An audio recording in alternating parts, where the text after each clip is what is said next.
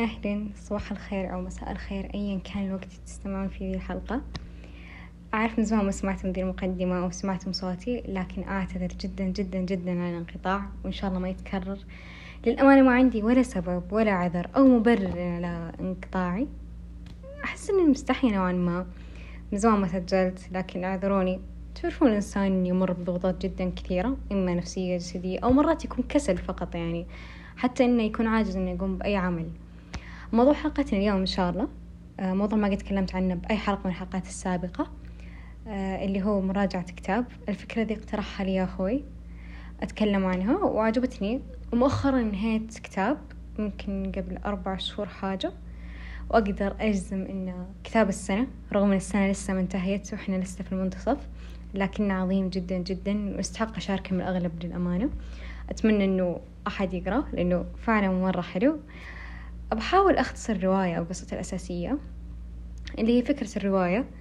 رواية كتبتها الكاتب التركي ألف شفك تمام؟ وأساسها قواعد العشق الأربعون أي القواعد التي تدل وترشد الشخص على العشق الإلهي وحبه ورضاه. وفكرة الرواية الرئيسية وصف الصوفية. إيش هم الناس المتصوفين؟ اللي يحبون الله ويتقربون إلى الله بكل الطاعات والتعلق به وتزكية نفوسهم من المحرمات وعبادة الله. قدر الإمكان ويحاولون الوصول لمرحلة العشق الإلهي الذي لا حدود له. تدور أحداث الرواية في زمن مختلفين زمنين.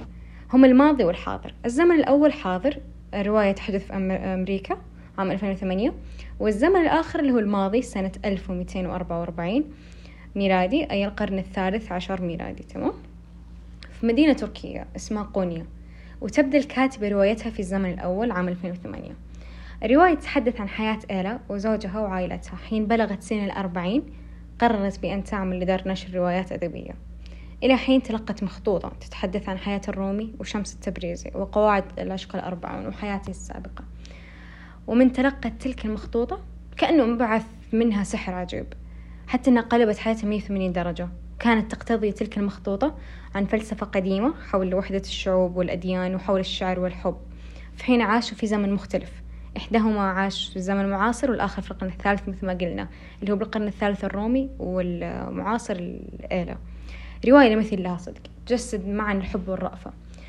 فيها أربعين قاعدة تمام؟ كل قاعدة تتحدث عن شيء جدا مهم. حقول لكم واحدة من القواعد آه اللي هي القاعدة السابعة. مهما حدث في حياتك ومهما بدت الأشياء مزعجة فلا تدخل ربوع اليأس. وحتى لو ظلت جميع الأبواب مؤصدة فإن الله سيفتح دربا جديدا لك. أحمد ربك من السهل عليك أن تحمد الله عندما يكون كل شيء على ما يرام.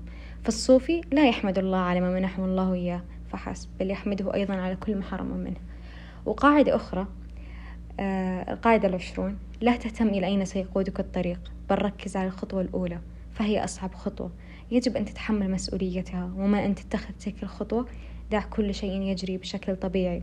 وسيأتي ما تبقى من تلقاء نفسه. لا تسير مع التيار بل كن أنت التيار. وآخر قاعدة آه القاعدة الأربعون. لا قيمة للحياة من دون عشق. لا تسأل نفسك ما نوع العشق الذي تريده.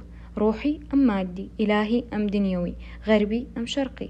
فالانقسامات لا تؤدي إلى مزيد من الانقسامات. ليس للعشق تسميات ولا علامات ولا تعاريف. إنه كما هو نقي وبسيط. العشق ماء الحياة. والعشيق هو روح, روح من النار. يصبح الكون مختلفا عندما تعشق النار أو الماء هذه مراجعة جدا قصيرة. آه، أعتبروها تصبير عن الحلقات الجاية لأنه أنا تقريبا قطعت أربع شهور. لكن الكتاب جدا رائع جدا رائع جدا رائع. فوق ما توصل الكلمة. أنا ما وصلت يمكن تماما لكن حاولت أختصر القصة. آه، كتاب جدا رائع. كتاب تعرف لما تقروا كتاب أو تسمعوا أغنية أو تشوفوا مسلسل تحسوا بدفء وأنتوا تشوفونه تحسوا بشاعرية كبيرة. هذا الكتاب هذا هو الكتاب. كل ما شفته عارف مكتبتي يجيني دفء.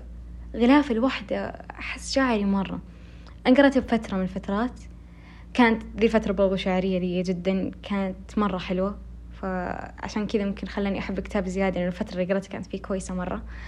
آه كل فترة أرجع أقرأ مرة ثانية أقرأ منه بعض الأشياء اللي حاطة عليها علامات. الكتاب مرة رائع. قلت رائع كثير لكن صدقون هو جدا رائع. آه، اقرأ أول شيء الأشياء اللي ممكن ما يناسب البعض ممكن ما يناسب صغار السن في بعض الأشياء. بس جدا رائع. وحقول رائع مليون مرة. آه، وشخصيتي المفضلة كانت شمس.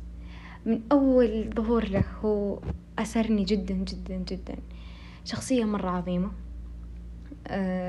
حسيت بطاقة جدا حلوة وأنا أقرأ له وأقرأ عنه وكلامهم والاقتباسات الموجودة في الكتاب.